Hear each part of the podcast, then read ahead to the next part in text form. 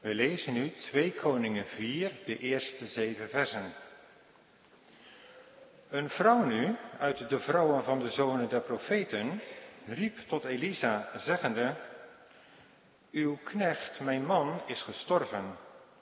En gij weet dat uw knecht den Heere was vrezende. Nu is de schuldheer gekomen om mijn beide kinderen voor zich tot knechten te nemen. En Elisa zeide tot haar, wat zal ik u doen? Geef mij te kennen wat gij in het huis hebt. En ze zeiden, uw dienstmaagd heeft niet met al in het huis dan een kruik met olie. Toen zeide hij, ga, eis voor uw vaten van buiten, van al uw naburen ledige vaten. Maak er niet weinige te hebben. Kom dan in en sluit de deur voor u en voor uw zonen toe. Daarna giet in al die vaten en zet weg tot vol is. Zo ging zij van hem en sloot de deur voor zich en voor haar zoon toe. Die brachten haar de vaten toe en zij goot in. En het geschiedde, als die vaten vol waren, dat zij tot haar zoon zeide, breng mij nog een vat aan. Maar hij zeide tot haar, er is geen vat meer. En de olie stond stil. Toen kwam zij en gaf het de man Gods te kennen. En hij zeide, ga heen, verkoop de olie en betaal uw schuld, Heer. Gij dan met uw zonen leef bij het overige. Gemeente, we overdenken vanmorgen met Gods hulp de geschiedenis die ons voorgelezen is uit 2 Koningen 4, vers 1 tot en met 7. Ik zal de schriftlezing nu niet herhalen. In de loop van de preek komen die versen 1 tot en met 7 één voor één aan de orde. Het thema voor de preek van vanmorgen is raad in radeloosheid. We letten samen op drie punten. Op een hulpeloze roep, op een goddelijk antwoord en op een overvloedige zegen. Dus raad in radeloosheid, als eerste een hulpeloze roep, als tweede een goddelijk antwoord en als derde een overvloedige zegen. Bij de behandeling van die drie punten zal ik uiteraard eerst ingaan op de letterlijke betekenis van de tekst. Maar we zullen daarna ook zien dat deze geschiedenis ons geestelijke lessen wil leren. Het eerste punt is een hulpeloze roep, want we lezen in vers 1, leest u maar mee in uw Bijbel, het woord van God. Een vrouw nu uit de vrouwen van de zonen der profeten riep tot Elisa zeggende, uw knecht mijn man is gestorven. En u weet dat uw knecht de Heere was vrezende. Nu is er schuld in gekomen om mijn beide kinderen voor zich tot knechten te nemen. Deze vrouw, dat proeft u in deze woorden, is radeloos. Eerst is haar man gestorven. En nu dreigt ze ook haar beide kinderen, haar beide jongens te gaan verliezen aan slavernij. Ze heeft grote financiële problemen. Ze heeft grote schulden. En dat begrijpt u, sociale voorzieningen, schuldsanering, voedselbank, het was er allemaal nog niet. Hoewel er door God wel allerlei wetten waren gegeven aan Israël, ter bescherming van weduwen en wezen en mensen die schulden hadden, maar het lijkt erop dat die wetten niet meer functioneren in de goddeloze tijd van het tienstammenrijk hier.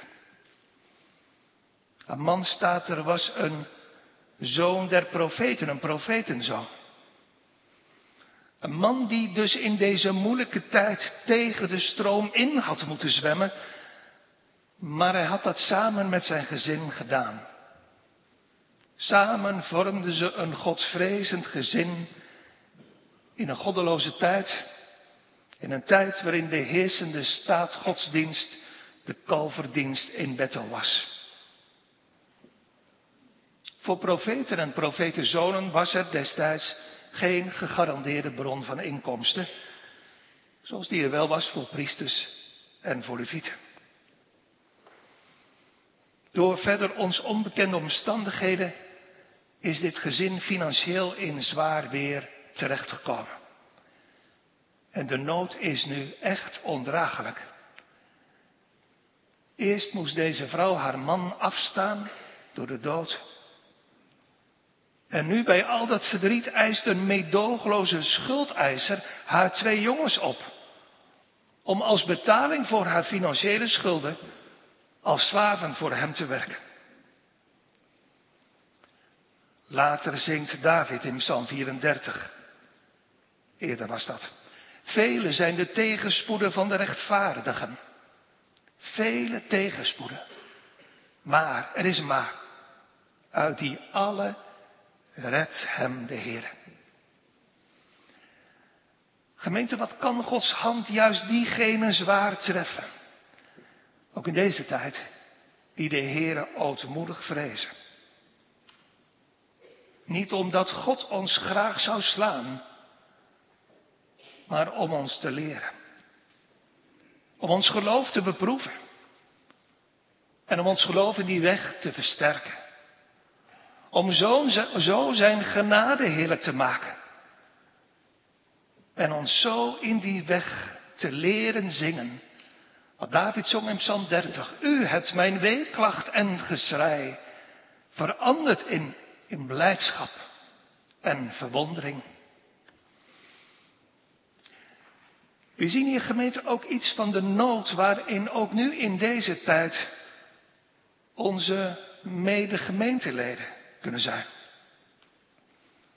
Het valt op, en dat is wrang, dat er zo te lezen alleen maar een harde schuldeiser is. En verder lijkt zich niemand om deze weduwe te bekommeren. Heb oog, geliefde gemeente, voor verborgen nood in uw directe omgeving. De apostel Jacobus zegt niet voor niets, de zuivere en onbevlekte godsdienst voor God en de Vader is deze. Wezen en weduwen bezoeken in een verdrukking en zichzelf onbesmet bewaren van de wereld. Niemand heeft oog voor haar, maar gelukkig is er een die haar wel ziet en wel kent. Mozes schreef ooit in Deuteronomium 10, de Heer is een God der goden, die het recht van de wees en de weduwe doet. En we zongen het uit Psalm 68, God is een vader der wezen en een rechter van weduwe. De Heer was en is nog steeds een bijzondere, ook in deze tijd, een bijzondere en machtige beschermer van weduwen en wezen. En dat blijkt ook bij deze weduwe. Gods vaderlijke hand brengt haar weliswaar in grote nood. Maar met de bedoeling dat zijn genade met overvloed haar leven zal gaan vervullen. Ik zei Gods vaderlijke hand brengt zijn kind deze weduwe in grote nood. Kinderen van God geliefde mede-christenen, juist in tijden van tegenspoed, in tijden van moeite en zorg, kunnen we dat zo gemakkelijk vergeten. We zijn zo geneigd in tijden van tegenspoed, als alle steun ons ontvalt, om moeite en verdriet anders uit te leggen. Zijn zo geneigd om dan te denken of te zeggen, niet waar? De Heer heeft me vergeten. De Heer heeft me verlaten. Of de Heer straft me om mijn zonden. Maar het is anders. Het is totaal anders. In tijden van voorspoed en welvaart zijn wij zo geneigd om de Heer te vergeten om ver van Hem af te leven. Maar dat wil de Heer niet. Want Hij heeft zijn kinderen lief. Hij houdt van ze. En dus wil Hij al zijn kinderen dicht bij zich houden. En daarom, dat is de reden. Gods goede en vaderlijke zorg, daarom stuurt Hij onze weg vaak zo dat we onze roep en onze vragen in de nood weer bidden naar de hemel laten gaan. En dat we onze kinderlijke afhankelijkheid van zijn almachtige en vaderlijke zorg weer in het verborgen en in het openbaar gaan beleiden. Kijk maar naar deze weduwe. Zoekt ze hulp bij haar buur, bij vrienden, van, bij broeders van haar overleden man. Nee, vers 1 zegt, zij riep tot Elisa.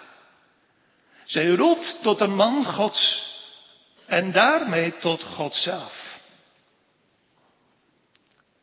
En let op hoe ze dat doet. Ze vertelt eenvoudigweg haar nood. Ze speculeert niet over mogelijke oplossingen, doet geen suggesties aan Elisa, maar werpt simpel haar nood aan zijn voeten. Aan de voeten van de man Gods. En dus werpt ze haar nood eenvoudig aan Gods voeten. Ze doet wat Petrus later zegt in 1 Petrus 5. Werp al uw bekommernissen op Hem, op God. Want Hij zorgt voor u. Ze legt haar nood aan Elisa's voeten. Ze legt haar nood aan Gods voeten. Ze zegt als het ware met heel haar hart, in mij is geen kracht. Ik weet niet meer hoe het verder moet. Maar mijn ogen, Heer, zijn op u. Weduwen in ons midden, wezen. Mensen in tijdelijke nood en verdriet. Doet u maar eenvoudigweg hetzelfde. De dichter zegt, God aanschouwt, hij ziet, hij kent de moeite en het verdriet, opdat we het in zijn handen geven. U die geestelijke nood hebt, u die een geestelijke schuldeiser hebt, mag ik u vragen, wat doet u? Uw schuldeiser is ook meedogenloos. De wet van God die u gebroken hebt, kent geen medelijden. Ze zegt, betaal me wat u schuldig bent. En de dreiging die de wet eraan verbindt, aan die eis, de dreiging die de wet eraan verbindt, gaat ver uit, boven het dreigement van deze schuldeiser in de richting van deze weduwe. Als de wet zegt, als u niet betaalt, zult u de dood sterven. Want, zo zegt de catechismus, God wil dat aan zijn gerechtigheid genoeg geschieden. En daarom, en dan voelt u de strenge, de meedogenloze eis van de wet in de handen, de genadige handen van Christus. Daarom moeten wij aan haar, of door onszelf, of door een ander, volkomen betalen. Mag ik u vragen nog een keer, waar zoekt u hulp voor de schuld van uw ziel? Of ziet u geen nood? Of hebt u geen schuld? Als u dat zou denken, zou dat uw toestand dubbel ellendig maken. Echt drie dubbel ellendig. Als u een dodelijke kwaal hebt en u denkt dat u gezond bent. Als u een hemelhoge schuld hebt, maar bij uzelf denkt dat u geen ding gebrek hebt. Lieve mensen, zalf uw ogen met ogenzalf, opdat u het zien zou. U die een geestelijke schuldeiser hebt, waar zoekt u hulp voor de schuld van uw ziel? Zoekt u hulp, zonder dat zo te zeggen, maar toch ten diepste in uw hart, bij uzelf? Bij uw inspanningen, bij uw pogen, bij uw werken, in de hoop dat u daarmee de schuld, of tenminste een deel van de schuld zou kunnen betalen? Bedenk goed doen doet geen nut in de dag der verbolgenheid. Alleen de gerechtigheid redt van de dood. U hebt gerechtigheid nodig. U hebt volkomen betaling van al uw schuld nodig. Zoekt u hulp bij anderen misschien? Maar wie kan de prijs van uw kostbare ziel betalen? Zingt de dichter het niet? Niemand van hen zal zijn broeder of zuster immer meer kunnen verlossen. Hij, een mens, zal goden zijn rantsoen, zijn losgeld niet kunnen geven.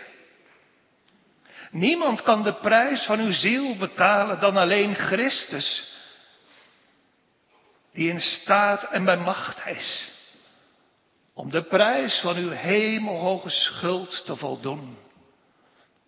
Hij, immers zegt de schrift, Matthäus 20 is gekomen om zijn ziel te geven. Tot een rantsoen, tot betaling, tot afbetaling voor velen. Zij, deze weduwe, werd haar nood aan de voeten van Elisa. Aan de voeten van de God van Elisa. En dus doet u dat ook maar. Zeg het nu in uw hart, heren, mijn schuldheer is gekomen. Hier ben ik, voor u, met mijn schuld. Met mijn hemelhoge schuld. Het doet denken aan David, die zegt in Psalm 142, ik stortte mijn klacht uit voor zijn aangezicht. Ik gaf te kennen voor zijn aangezicht mijn benauwdheid. Als mijn geest in mij oversteld was. Ons tweede aandachtspunt, een goddelijk antwoord. Lees er maar mee in vers 2, 3 en 4. En Elisa zeide tot haar, wat zal ik u doen? Geef mij te kennen wat u in het huis hebt. En zij zeiden, uw dienstmacht heeft niet met al in het huis dan een kruik met olie. Toen zeide hij, ga, eis voor uw vaten van buiten, van al uw naburen, van uw buren ledige vaten, maak er niet weinig te hebben. Kom dan in en sluit de deur voor u en voor uw zonen toe. Daarna giet in al die vaten en zet weg dat vol is. Wat een vriendelijk antwoord van de man Gods. Dat zal ik u doen. En zo voegt hij daaraan toe. Geef mij te kennen, laat me weten wat u in het huis hebt. Ze zegt, uw dienstmaagd heeft niet met al in het huis dan een kruik met olie. U zou kunnen denken op het eerste gezicht, dat klinkt als, man gods, ik heb nog wel iets. Misschien kunnen we daar iets mee. Maar zo bedoelt ze het zeker niet. Ze legt alle accent op de uitzichtloosheid van haar situatie. Als ze zegt, ik heb niets in huis dan nog een kruik met olie. Met andere woorden, wat kan ik daarmee? Zoals de discipelen van de Heer Jezus later antwoorden op een even ontdekkende vraag. Hoeveel broden hebt u? Ze gaan op onderzoek uit, onder alle mensen die daar zijn. En komen terug met het teleurstellende antwoord. Heren, vijf broden en twee vissen. Kortom, absoluut onvoldoende. En zo ook hier. Wie kan er met twee kinderen en een meedogenloze schuldeiser overleven met een kruik met olie? Niemand. Dus gemeente, waar begint God? Hier openbaart God. Hier laat God iets zien van zijn manier van werken. Dit zijn de vingerafdrukken van goddelijke handen. Als mensen tot Hem roepen in de nood, waar begint God dan mee? Met ons niets. Met ons absolute tekort. Hoopt u, wat de oplossing van uw tijdelijke zorg en verdriet betreft, nog steeds ook op uzelf? Of denkend aan wat Petrus zegt, werpt u al uw bekommernis, al uw nood op God.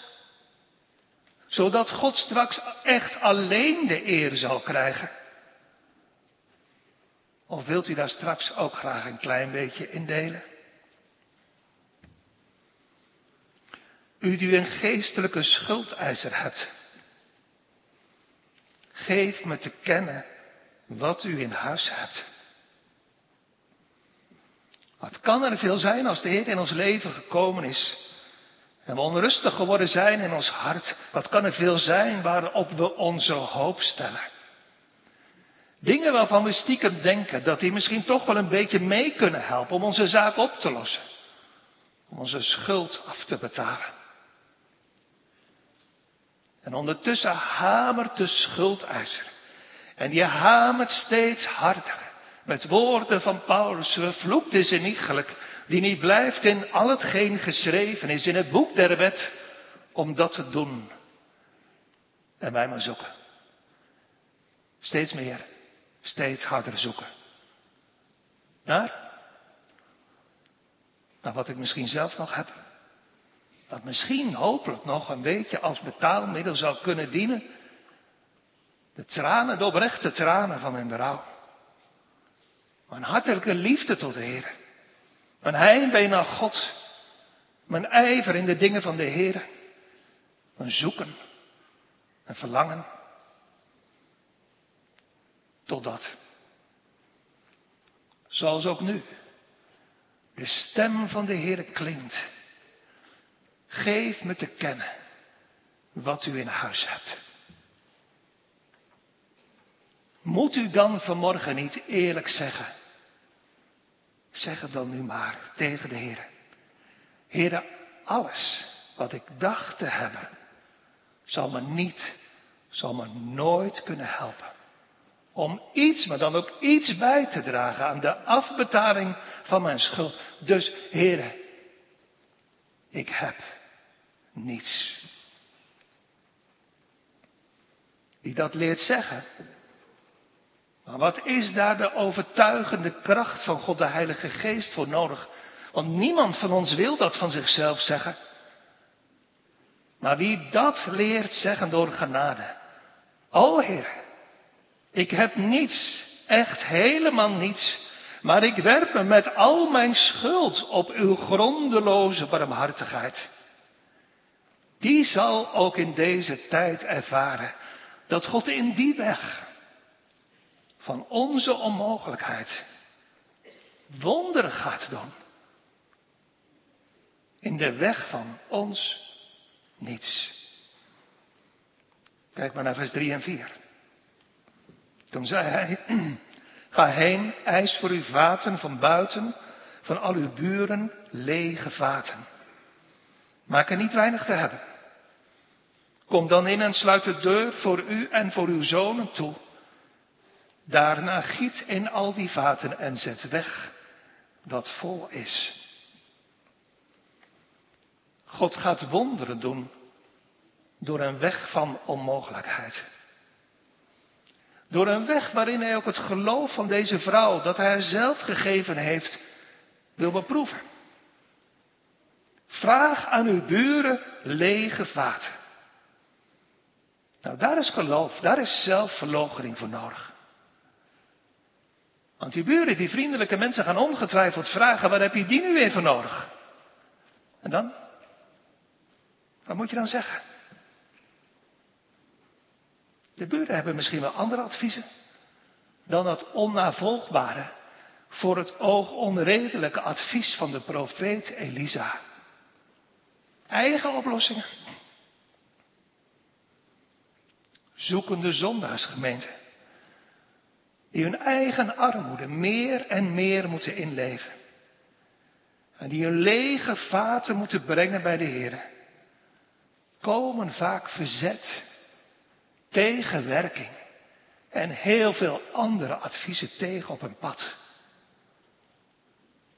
Maar daar luistert ze niet naar. Ze doet wat Elisa zegt. Het geloof luistert naar Gods stem. Luistert naar het woord en is gehoorzaam aan het woord. Het is gehoorzaam aan de stem, aan de opdracht van het evangelie. Breng lege vaten. Zoals ook nu de stem van het evangelie klinkt, gebiedend. Maar zo vriendelijk ook en hartelijk. Kom tevoorschijn met uw armoede. Kom tevoorschijn met uw gebrek, met uw honger, met uw dorst, met uw niets. Breng lege vaten. Want hongerigen worden met goederen vervuld. Rijken met volle vaten worden ledig weggezonden. U met uw lege, straatarme ziel, die stil in uw hart zo verlangt naar verzoening met God, naar betaling van uw hemelhoge schuld door het bloed van Christus. U wordt in het evangelie geroepen om, om te komen. Om tevoorschijn te komen. Niet om tevoorschijn te komen met uw verdiensten, met uw prestatie. Maar om tevoorschijn te komen met uw armoede, met uw gebrek, met uw leegte, met uw schuld, met uw niets. Kom dan. Al waren, al zijn uw zonden als gelaken. Ze zullen worden wit als sneeuw. Al zijn ze, en dat zijn ze, rood als karmozijn. Ze zullen worden als witte wol. Kom dan op de roep van het evangelie van morgen. Als een gewillige. Als een buigende. Beschaamde zondaar. Met? Met al uw niets, met al uw armoede, gebrek en verlorenheid. Tot hem die gekomen is om het verlorene te zoeken en de schuld van hun zonde te betalen met de prijs van zijn kostbare bloed. Ga, vers 3. Eis voor uw vaten van buiten, van al uw buren lege vaten. Maak er niet weinig te hebben. Kortom, vul uw huis met de overvloedige tekenen en bewijzen van uw gebrek van uw armoede. Zie het onder ogen. In de kamer, in de slaapkamer, overal. Je niets. Je helemaal niets hebben. En vers 4. Kom dan in. En sluit de deur voor u en voor uw zonen toe. En daarna giet in al die vaten en zet weg dat vol is. De buren zullen het wel zien en merken dat er iets gebeurt. Maar wat er binnen in het huis gebeurt, dat zullen ze niet zien. Staat hier. De deuren zijn dicht als God zijn machtige werk gaat doen in het leven van deze vrouw. Gemeente, soms is er reden voor openbare lof en aanbidding. Denk maar aan David die in Psalm 34 uitroept. Maak de Heere met mij groot en laat ons zijn naam samen verhogen. Want ik heb de Heere gezocht en hij heeft mij geantwoord. En mij uit al mijn vrezen gered. Soms is er reden, als de Heere werkt, tot openbare lof en aanbidding. Maar op andere momenten wil God dat zijn machtige ingrijpen verborgen blijft. We bewaren zijn woorden en zijn daden als Maria, stil in ons hart, zonder er veel over te spreken. We zien het soms ook bij de wonderen die de Heer Jezus in het Nieuwe Testament doet. Ik noem een voorbeeld. De dochter van de overste van de synagoge is gestorven en iedereen die er is, die huilt en die klaagt. Maar Jezus stuurt ze allemaal één voor één weg. Slechts een enkeling is erbij. Als het wonder gebeurt, dat Jezus haar opwekt uit de dood. God wil blijkbaar niet altijd dat zijn grote daden in onze levens publiek gezien worden. Waarom niet? Vooral omdat wij allemaal zo geneigd zijn om juist op zulke momenten iets van Zijn eer naar ons toe te halen. Zeker, we kunnen Zijn lof vertellen.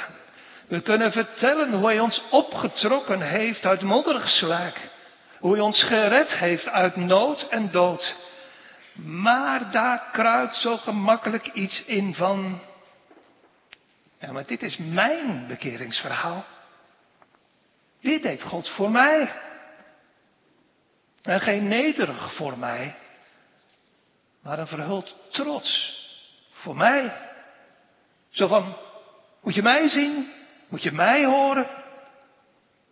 Ik hoor er nu toch ook wel bij, toch? Vindt u het niet wonderlijk, omstanders, wat ik heb meegemaakt en wat ik heb gekregen?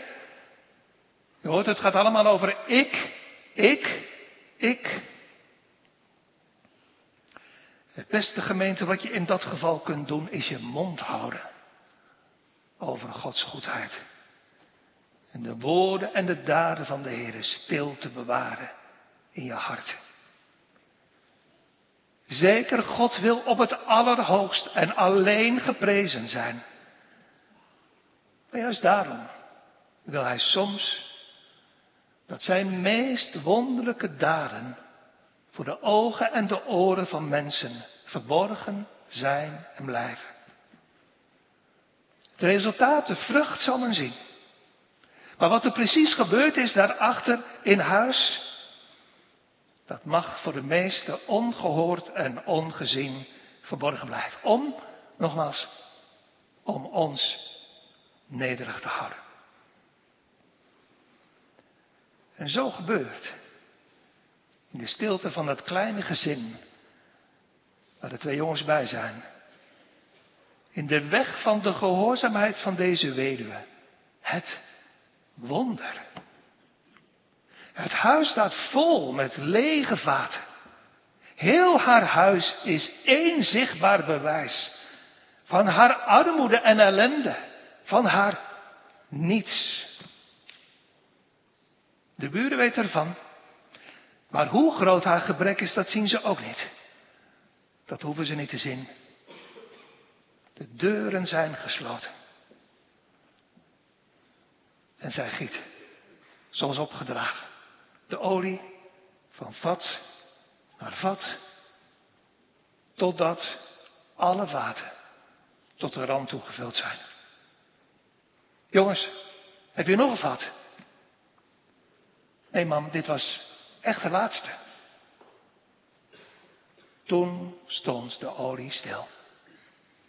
Ons derde aandachtspunt een overvloedige zegen. Want we lezen in vers 7, toen kwam zij en gaf het de man Gods te kennen. En hij zei, ga heen, verkoop de olie en betaal uw schuld, Heer.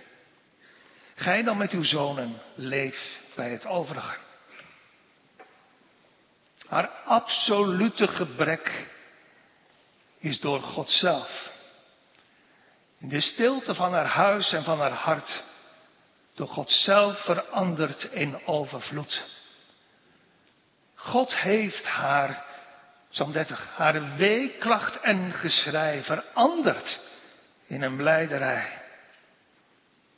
Ze had een strenge schuldeiser. Ze had niets om te betalen. Ze wierp haar nood op God en hij bracht redding. Ja, maar hoe bracht hij redding? Door de betaling van haar schuld. Kijk maar, God vermenigvuldigt de olie, zij verkoopt die en daarmee wordt haar schuld betaald. Dus wat is de kern van het wonder? Dit God geeft. Gratis, om niet. Olie in overvloed als betaalmiddel voor haar schuld. Zeker, het is een teken van hoe de Heer ook in deze tijd weduwen en wezen wil ondersteunen. Ook op wonderlijke manieren in alle tijdelijke zorg en nood. Maar het is ook een teken van hoe de Heer in het verborgen zijn genade verheerlijkt. In de harten van berouwvolle zondaars. Ze werpen in de nood van hun hart hun hemelhoge schuld aan Gods voeten. Ze komen, eerlijk gezegd meestal na veel verzet en tegenstand, uiteindelijk, geroepen door Gods stem, met hun nood, met hun ellende en met hun niets tevoorschijn. Heren, zegt u het nu maar in uw hart schuldverslagen zondaars. Heren, ik heb, ik heb niets om te betalen. De Heere leert hen hun ellende onder ogen te zien. Ze moeten een huis vullen. Zoeken naar bezittingen. Nee, zoeken naar alles wat ze niet hebben. Naar de bewijzen van hun ellende en gebrek. En dan, op Gods tijd, doet de Heer uit enkel genade het wonder. Dit wonder. Hij vult die lege harten ook nu voor het eerst of opnieuw met de overvloed van zijn genade. Om de treurigen Sions te beschikken, zegt Jezaja, dat hun gegeven wordt sieraad voor as, vreugdeolie voor treurigheid en het gewaad des lofs voor een benauwde geest, opdat zij genoemd worden eikenbomen der gerechtigheid, een planting des Heren, opdat Hij God verheerlijkt worden. Hoort u dat goed? Opdat God verheerlijkt zal worden. Al de wonderen in heel de Bijbel en ook al de wonderen in het leven van Gods kinderen vroeger en nu, het zij in het tijdelijke, het zij in het geestelijke leven, hebben maar één enkel doel. Opdat God verheerlijkt zal worden. Gemeente, alles wat nodig was voor dit wonder was lege vaten. Alles wat de Heer van ons vraagt is is dat wat hij uit genade wil geven aan trotse en hoogmoedige mensen, namelijk dit. Gebrek, leegte, armoede, honger, dorst, niets bezitten. Zalig, zei de Heer Jezus, zijn die hongeren en dorsten. Naar de olie van de Heilige Geest, naar de gerechtigheid van Christus, omdat ze zelf niets meer hebben. Zij, die mensen, zullen verzadigd worden met genade voor genade. Ga heen, vers 7. Verkoop de olie en betaal uw schuld, Heer. Gij dan met uw zonen en, niet overheen lezen, leef bij het overige. Door zijn leven en door zijn sterven aan het kruis heeft onze Heer Christus een overvloed van genade verdiend om, om schulden af te betalen, maar ook om daarna van genade te leven. Het een en het ander. Wat een wonder wordt het in het leven van schuldverslagen zondaars. Als de Heer ons laat zien door zijn krachtige spreken, door zijn eigen woord, dat onze schuld betaald is. Verdiend door een weg van recht, door de gehoorzaamheid van Christus en door zijn voldoening aan het kruis. Dan wordt die wet, die meedogenloze schuldeiser, het zwijgen opgelegd. Dan wordt de schuld uit Gods boek gedaan dan is er geen verdommenis meer voor degenen die in Christus Jezus zijn, die, zegt Paulus, niet naar het vlees wandelen, maar naar de geest. Daar hoort u trouwens diezelfde tweeslag. Door het bloed van Christus, genadig vrijgekocht van de schuld, van de hemelhoge schuld van de wet. Maar, en dat hoort daar ook echt bij, daarna ook, door de olie van Gods genade. Door het werk van God de Heilige Geest naar, zoals Paulus het zegt, naar de geest leven. Leven van nu af aan gericht op God. Door genade in een leven van nieuwe gehoorzaamheid. Wat een vrede, wat een verwondering zal er geweest zijn. In het hart en in het huis van deze weduwe en haar twee jongens. Wat een vrede, gemeente, daalt er in een schuldverslagen hart. Toch, als de Heer onze lege, lege vaten vult met de overvloed van zijn genade. Genade voor genade. Wat wordt Christus dan kostbaar? En wat gaan we dan God liefhebben met heel ons hart? Dat Hij die onverdiende genade wilde uitdenken in de stilte van de eeuwigheid. En dat Hij zijn enige geliefde zoon wilde overgeven tot de dood aan het kruis. En dat zijn zoon, ons Heer Jezus Christus, wilde komen om te lijden en te sterven. En dat de Heilige Geest zijn olie van genade wilde schenken.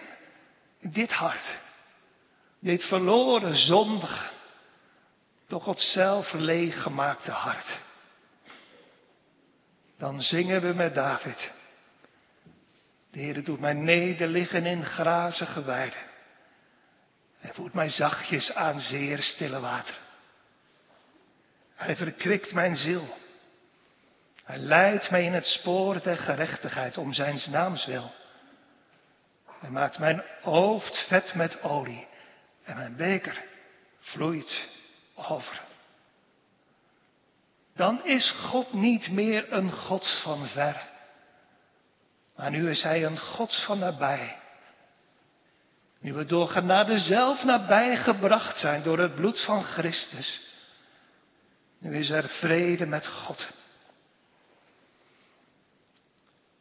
Wil dat zeggen, misschien vraagt u zich dat af, dat dan van nu af aan ook alle moeite en verdrukking en verdriet voorbij is? Nee. Want we weten uit het Nieuwe Testament dat Paulus zegt, we moeten door veel verdrukkingen ingaan in het koninkrijk Gods. En als Paulus zegt in Romeinen 5, we hebben vrede met God, echte vrede met God. Dan zegt hij daar direct achteraan, en niet alleen dit, maar wij roemen ook in verdrukkingen. Niet wij lijden onder verdrukkingen, maar wij roemen in verdrukkingen, wetende dat de verdrukking leidzaamheid, geduld werkt. En de leidzaamheid bevinding en de bevinding hoop. En de hoop beschaadt niet, omdat de liefde van God in ons hart is uitgestort door de Heilige Geest die ons is gegeven. Die verdrukkingen, kinderen van God, geliefde medechristenen Zoals hier ook bij deze weduwe, kind van God. Die verdrukkingen, die vele verdrukkingen leren ons ootmoedig, klein en afhankelijk te leven. Die leren ons steeds weer opnieuw wat we zoveel en zo vaak vergeten. Om onze nood en ellende aan de Heer aan zijn voeten te brengen. En die leren ons steeds meer en meer om niets meer van onszelf te verwachten. Die leren ons die verdrukkingen om te leven, niet één keer maar blijvend, van de overvloed van genade alleen. Naar de opdracht van Elisa, leef bij het overige. Leef daarvan, kinderen van God, van genade, gegoten in een leeg vat. Gemeente, meer dan ooit hebben we nodig dat wij onze volle vaten kwijtraken. En dat we persoonlijk, als predikant, als ambtsdragers, als gemeente, onze trots inleveren. De trots op wie we zijn, op wat wij hebben, op dat wat van ons is. Lege vaten wil God vervullen. Als ons persoonlijk, als predikant, als ambtsdragers, als gemeente echt verootmoedigen, biddend om de komst van de Heilige Geest, dan is diezelfde Heer nog steeds bij machten en bereid om zijn geest in overvloed over ons uit te gieten. Om nieuw leven in ons persoonlijk en in de gemeente te blazen. Om water te gieten op de dorstige en stromen op het droge. Ja, om zijn geest te gieten op onze kinderen. En zijn zegen op onze nakomelingen. Lege vaten, die wil God vervullen. Maar geliefde gemeente, als we doorgaan op onze eigen wegen. Trots, hoogmoedig. Op wie we zijn. Op wat we hebben. Op wat we bereikt hebben. Persoonlijk, maar ook als gemeente. Dan zal vroeg of laat op de deuren van, van ons hart. En van ons huis. En op de deuren van dit huis geschreven worden. Kaboot. De heerlijkheid des Heer is van hier geweken. Want dit huis en dit hart was vol. Vol met gevulde vaten. En dus was er geen plaats voor genade. Tot slot, geliefde gemeente. Zo zegt de God van Elisa. Ga, eis voor u vaten van buiten, van al uw buren lege vaten, maak er niet weinig te hebben, en kom dan. Sluit de deur voor u toe. En daarna giet olie, daarna giet in al die vaten en zet weg dat vol is. Zo gemeten en zo alleen. In de weg persoonlijk en als gemeente. In de weg van onze beleden armoede. In de weg van onze leegte. In de weg van onze beleden schuld. Zal God zijn genade overvloedig bewijzen. En persoonlijk. Ambtelijk. Kerkelijk. Dat geven ons de Heer. Opdat Hij verheerlijkt zal worden. Amen.